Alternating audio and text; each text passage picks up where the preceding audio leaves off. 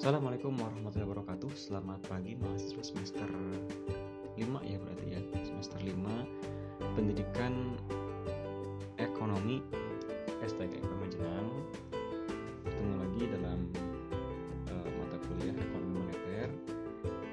Kita akan melanjutkan uh, Hari ini kita akan melanjutkan Pembahasan kita Dua minggu yang lalu ya. Waktu itu saya pernah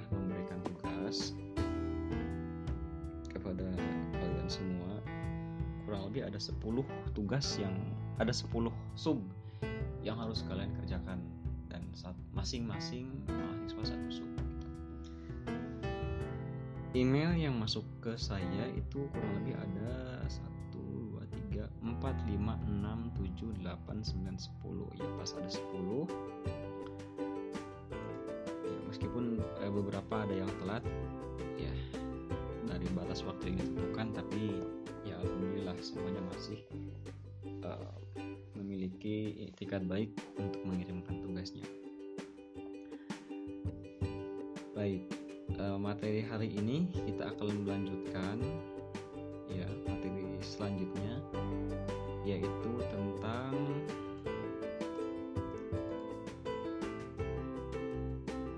pasar uang dan seluk-beluknya. Namun sebenarnya materi ini hanya materi pengulangan saja. Kenapa saya katakan pengulangan dan karena materi ini sebetulnya sudah kalian pelajari ya. Ketika saya memberikan tugas ini, saya yakin secara tidak langsung kalian mempelajari gitu, mempelajari tentang materi ini. Jadi materi ini adalah materi pengulangan atau sedikit penjabaran. Jadi mungkin dalam pemaparan hari ini tidak terlalu lama dan tidak terlalu panjang juga. Adapun nanti uh, untuk materi-materi yang kalian kerjakan itu silahkan kalian di share ke sesama temannya. Jadi kalau misalnya uh, Putri mengerjakan sub yang A, Desi mengerjakan sub yang B, nah silahkan saling ditukar materinya gitu supaya setiap mahasiswa memiliki atau mempunyai masing-masing materi dari teman-temannya dan ini berguna ketika nanti akan dilaksanakan UTS atau UAS begitu. Jadi tidak perlu lagi uh, mencari-cari materi tapi tinggal tukar saja dengan materi yang dimiliki oleh teman-temannya. Baik, kita masuk ke materi pasar uang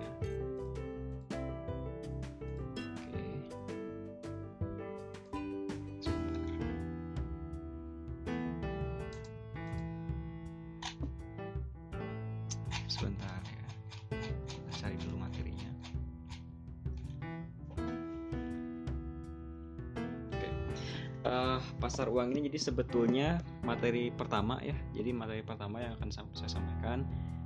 Jadi ini pun uh, hanya hanya sebagai penjabaran dan gambaran umum. Karena saya lihat di powerpoint yang kalian kerjakan itu sudah sangat cukup lengkap. Dan ya sudah cukup lah untuk mahasiswa satu Oke, Eh, pasar uang secara sederhana dapat didefinisikan sebagai tempat suatu pihak meminjam dana dari pihak lainnya pada tingkat bunga tertentu. Dan biasanya ini untuk uh, jangka waktu uh, tertentu ya. Ada yang ada yang satu tahun dua tahun tiga tahun sepuluh tahun bahkan ada yang satu hari. Kok di mana ada pinjaman yang satu hari? Iya ada. Tapi tidak di Indonesia. Kalau kita yang saya tahu ya yang saya baca gitu dari sebuah buku di Amerika itu ada pinjaman semalam. ya. Jadi semalam dia ngajuin pinjaman ya, langsung cair ya semalamnya dia hari berikutnya dia harus bayar lagi ada pinjaman seperti itu nanti kita bahas oke okay? ya, jadi pasar uang adalah tempat satu pihak meminjam dana dari pihak lainnya pada tingkat bunga tertentu dan biasanya untuk jangka waktu di bawah satu tahun. Dilihat dari jenis mata uangnya, pasar uang dapat dibagi menjadi pasar domestik dan pasar valuta asing. Nah, di sini pasar uang dikatakan efisien bila dapat melakukan transfer uang dari satu unit surplus ke unit defisit dalam jumlah besar dengan waktu yang singkat disertai biaya yang sangat rendah. Kemudian apa fungsi pasar uang? Oke, fungsi pasar uang pada das uh, pasar uang pada dasarnya memiliki beberapa fungsi. Salah beberapa di antaranya satu adalah fungsi likuiditas. Yang kedua, ada fungsi sebagai sarana penyaluran kebijaksanaan atau channel for implement uh, channel from channel from implement implement uh, channel from implementing policy. Jadi uh, sarana penyaluran kebijakan. Kemudian yang kedua, ada fungsi informasi. Yang keempat ada accumulation of wealth. Kelima ada allocation ada allocation of wealth. Gitu ya. fungsi yang pertama fungsi likuiditas.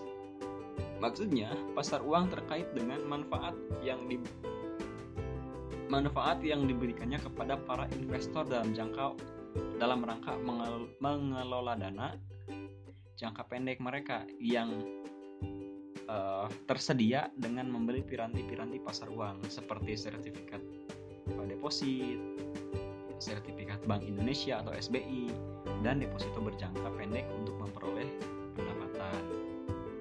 Namun di lain pihak, bagi pengusaha yang membutuhkan dana, yang membutuhkan dana gitu ya, pasar uang digunakan sebagai salah satu alternatif tempat untuk mencari sumber dana sementara. Misalnya gini, dalam ketika terjadi uh, mismatch terjadi mismatch temporer karena portofolio asetnya berjangka panjang misalnya. Sementara sisi liabilitiesnya relatif berjangka pendek untuk memperoleh pendapatan yang optimal. Jadi, nah ini kalau ada masalah seperti ini, gimana solusinya ya bisa konsultasi dengan uh, pasar uang dan seterusnya.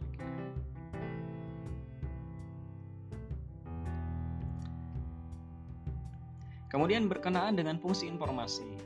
Biasanya Perkembangan pasar uang dapat memberikan informasi bagi pelaku-pelaku di pasar uang seperti perusahaan ya seperti perusahaan, perbankan, pemerintah, otoritas moneter mengenai uh, kondisi moneter gitu ya, arah kebijakan, preferensi dan juga tingkah laku peserta uh, pasar uang maupun kondisi dan prospek ekonomi di dalam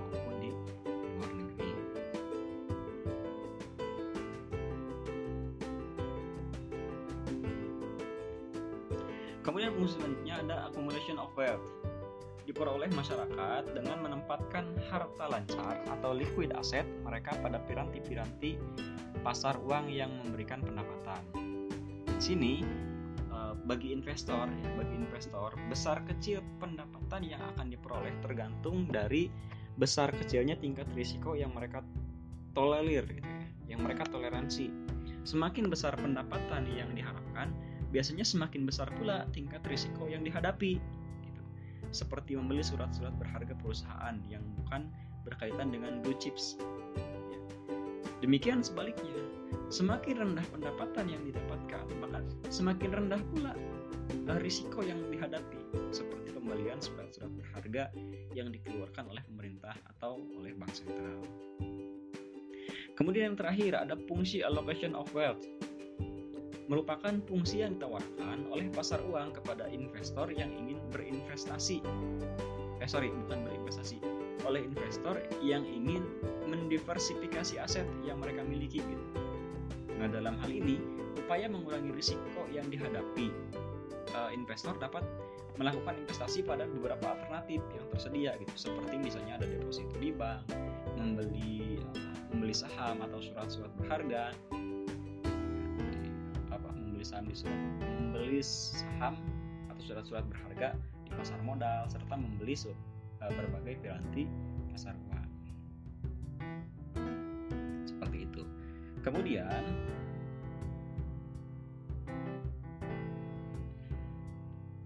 kita harus tahu juga uh, pelaku pasar uang itu siapa saja gitu. Nah, uh, pelaku pasar uang ini ada beberapa apa ya? Ada beberapa kelompok ada beberapa jenis katakanlah seperti itu. Yang pertama ada bank sentral. Eh, bukan bank sentral ada bank uh,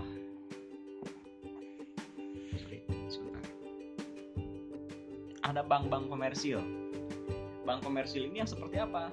Nah bank komersil ini uh, apa ya? Bank komersil ini bank-bank ya bank-bank umum seperti kalau di kita BNI, BN, BNI dan seterusnya. Ada tiga peran utama bank-bank komersial di pasar uang. Pertama, bank komersial menjadi sorry, uh, ada tiga peran utama yang dilakukan oleh bank komersial di pasar uang. Yang pertama adalah menjadi lembaga perantara dari unit surplus kepada unit defisit yang membutuhkan dana untuk membiayai investasi atau kredit. Misalnya, ya, uh, kita punya usaha nih kekurangan uang. Nah, berarti yang menyalurkannya ini kan bank-bank komersial gitu kita minjem ke bank. Nah dia ini kan bank bank itu kan sebenarnya uh, dia lembaga perantara gitu. dia lembaga perantara dari unit surplus ke unit defisit. Yang defisitnya siapa? Ya perusahaan kita yang kekurangan dana.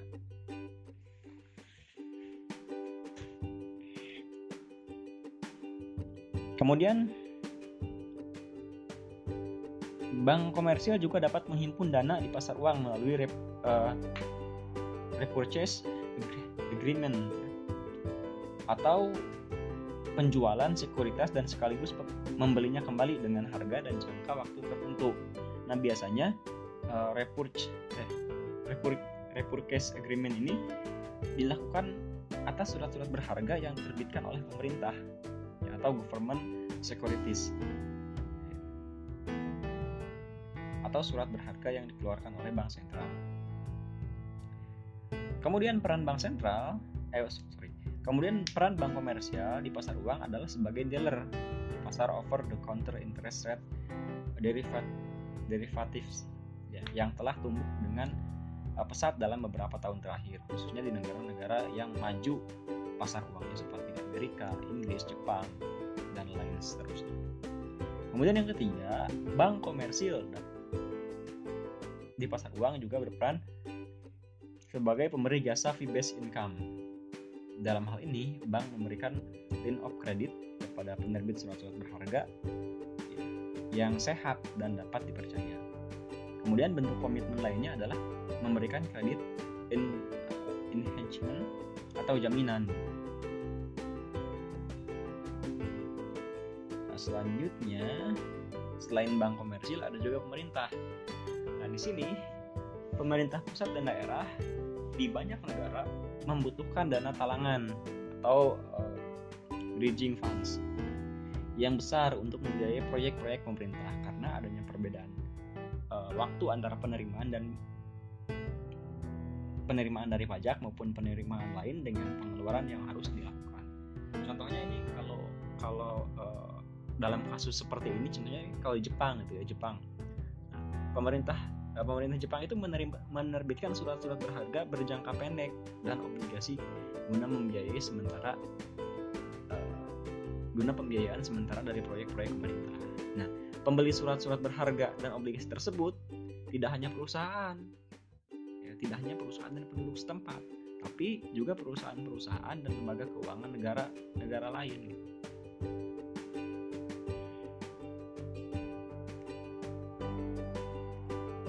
Kemudian di sisi lain, surat-surat berharga jangka pendek dan obligasi yang diterbitkan pemerintah biasanya sangat liquid dan hampir tidak mempunyai risiko. Artinya ya pasti menguntungkan gitu. Sehingga mempunyai tingkat suku bunga yang lebih rendah dibanding dengan surat-surat berharga jangka pendek lainnya. Kemudian yang ke selanjutnya ada surat ada perusahaan-perusahaan. Nah, perusahaan-perusahaan non financial institution dan non bank financial business menghimpun dana dari pasar uang dengan menerbitkan surat berharga jangka pendek berupa uh, unsecure promissory notes ya, dalam beberapa dalam beberapa tahun terakhir banyak perusahaan-perusahaan yang memang memperoleh akses untuk masuk ke pasar uang sehingga commercial paper cukup berkembang di beberapa negara gitu. Sementara itu di sisi lain perusahaan-perusahaan yang berhubungan dengan perdagangan internasional menghimpun dana di pasar uang. Caranya adalah menerbitkan uh, banker acceptance ya. yang kemudian bank uh, bank ini meng, apa ya membeli gitu. Membeli banker acceptance yang diterbitkan oleh importir. Kemudian uh, dia dipegang sehingga jatuh tempo dan menjualnya di pasar uang. Sementara sementara itu importir memperoleh uang kas dengan nilai lebih mungkin apa di kelas saja memahami ekonomi moneter agak susah apalagi hanya audio. Jadi ya ini adalah salah satu apa ya bagian dari ikhtiar kita lah. Karena ya kuliah via video eh, video virtual susah pakai zoom juga susah sinyal di sebenarnya kemudian pakai Google Meet juga agak susah. Jadi ya salah satunya adalah dengan audio mungkin. Ini terlepas dari kekurangan dan dan sebagainya saya mohon untuk di menjadi perhat apa menjadi sesuatu yang dapat dimaknai bersama karena memang umum seperti ini. Kemudian em, apa ya?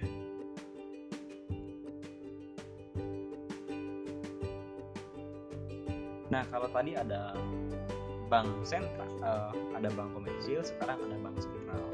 Ya, pelaku pasar. Kenapa bank sentral? Jadi bank sentral ini kan pada dasarnya merupakan pelaku utama pada pasar uang. Mengingat salah satu tugas utamanya adalah menjaga stabilitas moneter dan harga melalui pengendalian jumlah likuiditas di pasar uang. Nah, caranya mungkin bagaimana? Bagaimana cara bank sentral mempengaruhi berbagai aktivitas ekonomi dan keuangan guna mencapai tujuan akhir yang telah ditetapkan dikenal dengan ditetapkan ini dikenal dengan transmisi kebijakan moneter. Nah, dalam menunaikan tugasnya tersebut, biasanya bank sentral akan menggunakan surat berharga pemerintah atau surat berharga bank sentral lainnya, gitu ya, seperti sertifikat Bank Indonesia yang digunakan untuk mengendalikan likuiditas bank-bank dan lembaga keuangan non-bank. gitu. Kemudian hal, ini dilakukan dengan membeli atau menjual surat-surat berharga tersebut dengan metode refer, uh, repurchase agreement dengan mengendalikan likuiditas sistem keuangan bank sentral. Contohnya ini kalau dulu ada uh, kasus yang di Amerika gitu ya, uh, David namanya uh, David di Amerika Serikat, kasus David dapat mempengaruhi federal fund atau tingkat suku operasi pasar terbuka seperti itu. Selain itu, bank sentral juga dapat mempengaruhi likuiditas dan tingkat suku bunga di pasar uang melalui kebijakan fasilitas diskonto dengan menaikkan atau menurunkan fasilitas diskonto. Bank sentral dapat mempengaruhi likuiditas pelaku pasar gitu ya, pelaku pasar keuangan lainnya dan sekaligus tingkat suku bunga di berbagai pasar.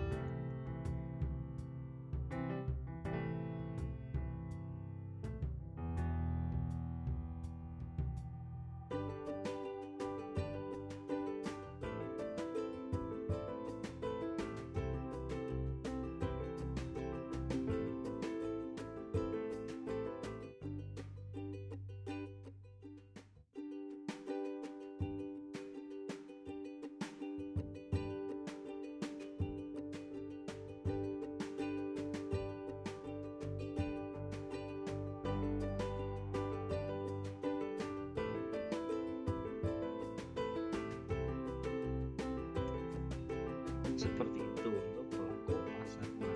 Kemudian eh, kita lanjutkan ke materi selanjutnya. Ini materinya agak loncat-loncat karena saya hanya membahas beberapa materi yang sekiranya belum lengkap di slide yang kalian buat gitu. Jadi kalau sudah lengkap dan cukup detail saya tidak jawab lagi. Oh sorry, sekarang kita coba ke hmm, jenis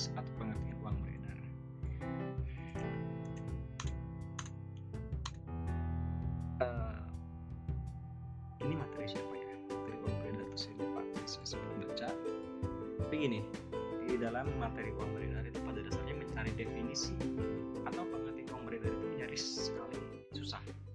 Kenapa? Karena ya kalau ditanya uang beredar itu apa? Ya uang yang beredar deh, yang kita gunakan gitu. Dulu sudah saya jelaskan tentang ada uang kartal, kemudian ada uang miral, ada eh, uang kuasi gitu. Nah itu adalah ya uang yang beredar gitu. Jadi kalau didefinisikan uang beredar itu apa ya? Uang-uang yang ya biasa kita gunakan yang kayak dari dari saya cari referensi tentang definisi uang Breto nyaris tidak ada. Bahkan BI BI sendiri pun dalam dalam uh, buku gitu ya yang, di, yang diterbitkan oleh BI di sana disebutkan bahwa memang uh, apa ya definisi tentang uang beredar itu susah didefinisikan gitu. yang jelas uang beredar itu ya memang uang yang yang apa ya yang bisa yang biasa kita pakai untuk transaksi. Dari uang giral uang kata dan juga uang pas oke kemudian nah uang beredar yang uang beredar itu ada bentuk apa saja? Ini sudah saya kemukakan minggu lalu. Ya, uang beredar itu ada uang dalam arti sempit ada juga uang sudah.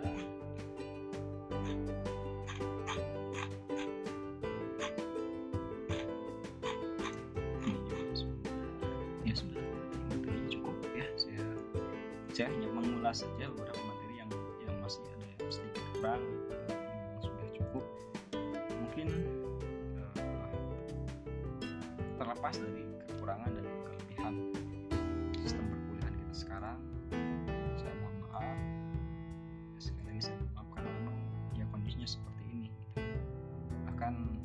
ya saya tanya dosen lain pun memang banyak sekali uh, kendala. Mungkin ada yang pakai zoom tapi ya itu pun terkendala dengan sinyal